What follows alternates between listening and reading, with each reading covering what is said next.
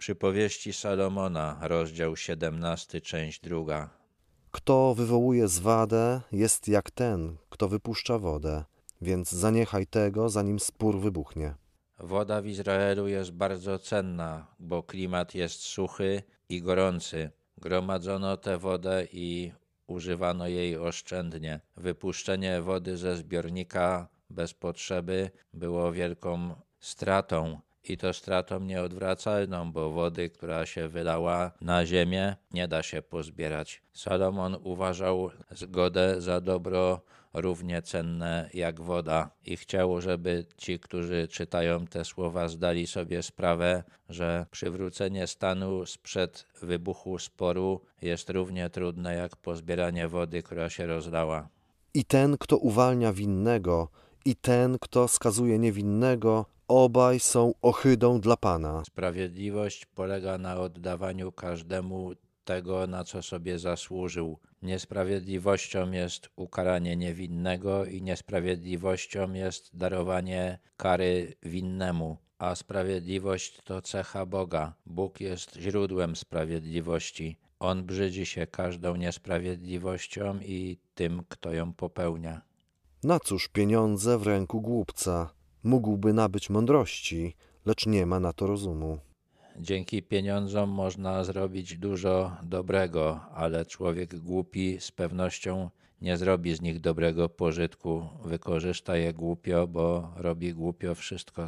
Przyjaciel zawsze okazuje miłość, rodzi się bratem w niedoli. Człowiekiem nierozumnym jest ten, kto daje zobowiązanie, kto daje porękę za swojego bliźniego. Salomon już pisał o tym, że źle jest żyrować pożyczkę obcemu, że żyrant w ten sposób może stać się niewolnikiem. Powtarza to, bo najwyraźniej ludzie są skłonni jednak dawać porękę. Kto lubi występek, lubi zwadę. Kto stawia wysoką bramę, dąży do upadku. Człowiek skłonny do zła, skłonny jest też do tego, aby się wadzić, aby się kłócić z innymi. To Bóg jest źródłem pokoju między ludźmi. Ten, kto jest daleko od Boga, jest też daleki od zgody. Ten, kto stawia wysoką bramę przed swoim domem, chce, żeby inni widzieli, że go stać na zbudowanie takiej wielkiej bramy. Popisywanie się drogo kosztuje i doprowadzi do nędzy tego, kto jest opanowany pragnieniem imponowania innym. My też mamy to powiedzenie: zastaw się, a postaw się. Człowiek przewrotnego serca nie znajduje szczęścia, a człowiek podstępnego języka wpada w nieszczęście.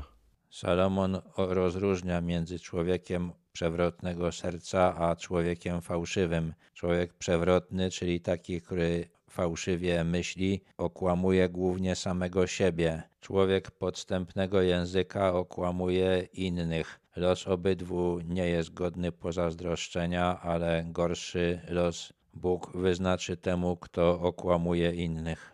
Kto spłodził głupca, ten ma zmartwienie. Ojciec głupca nie doznaje radości. Rodzice chcą być dumni ze swoich dzieci i jest im bardzo przykro, jeśli widzą, że nie mają powodów do tego. Wesołe serce jest najlepszym lekarstwem, lecz przygnębiony duch wysusza ciało.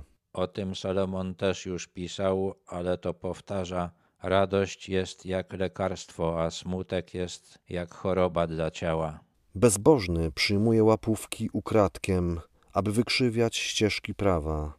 Widać, że dla Salomona pobożność to było coś więcej niż uczestnictwo w obrzędach religijnych. Naprawdę pobożnym człowiekiem jest taki, kto ma świadomość, że Bóg widzi wszystko, co on robi, że niczego przed Bogiem nie może ukryć. Także brania łapówek i naginania prawa w taki sposób, aby dający łapówkę skorzystał. Przed ludzkim sądem udowodnić jest trudno i jedno, i drugie, ale przed Bogiem nic się nie ukryje. Roztropny ma twarz zwróconą ku mądrości, lecz oczy głupca błądzą po krańcach ziemi. Człowiek mądry skupia się na szukaniu mądrości, głupi zauważa wszystko oprócz niej. Głupi syn jest zmartwieniem dla ojca i goryczą dla swojej rodzicielki. O tym, że ojciec martwi się głupotą swojego syna, Salomon napisał cztery wiersze wcześniej. Tutaj jeszcze dopisuje, że również dla matki taki syn jest zmartwieniem, na wypadek, gdyby ktoś podejrzewał, że może być inaczej. Już nawet wymierzyć grzywnę niewinnemu nie jest rzeczą dobrą, a chłostać szlachetnych jest wbrew prawu. Salomon był królem. Swoją powinność jako władcy rozumiał w taki sposób, że powinien karać tych, którzy zasługują na karę i tylko ich. Było dla niego oczywiste, że nie można karać tych, którzy są niewinni w oczach Boga. Kto oszczędza swych słów, jest rozsądny, a kto zachowuje spokój ducha, jest roztropny. Zdaniem Salomona mądrego można poznać po tym, że niewiele mówi i zachowuje pogodę ducha w każdej sytuacji. Nawet głupiec, gdy milczy, uchodzi za mądrego, za roztropnego, gdy zamyka usta. Ten sposób rozpoznawania mądrych jest jednak zawodny, bo można uznać za mądrego głupca, który jest małomówny.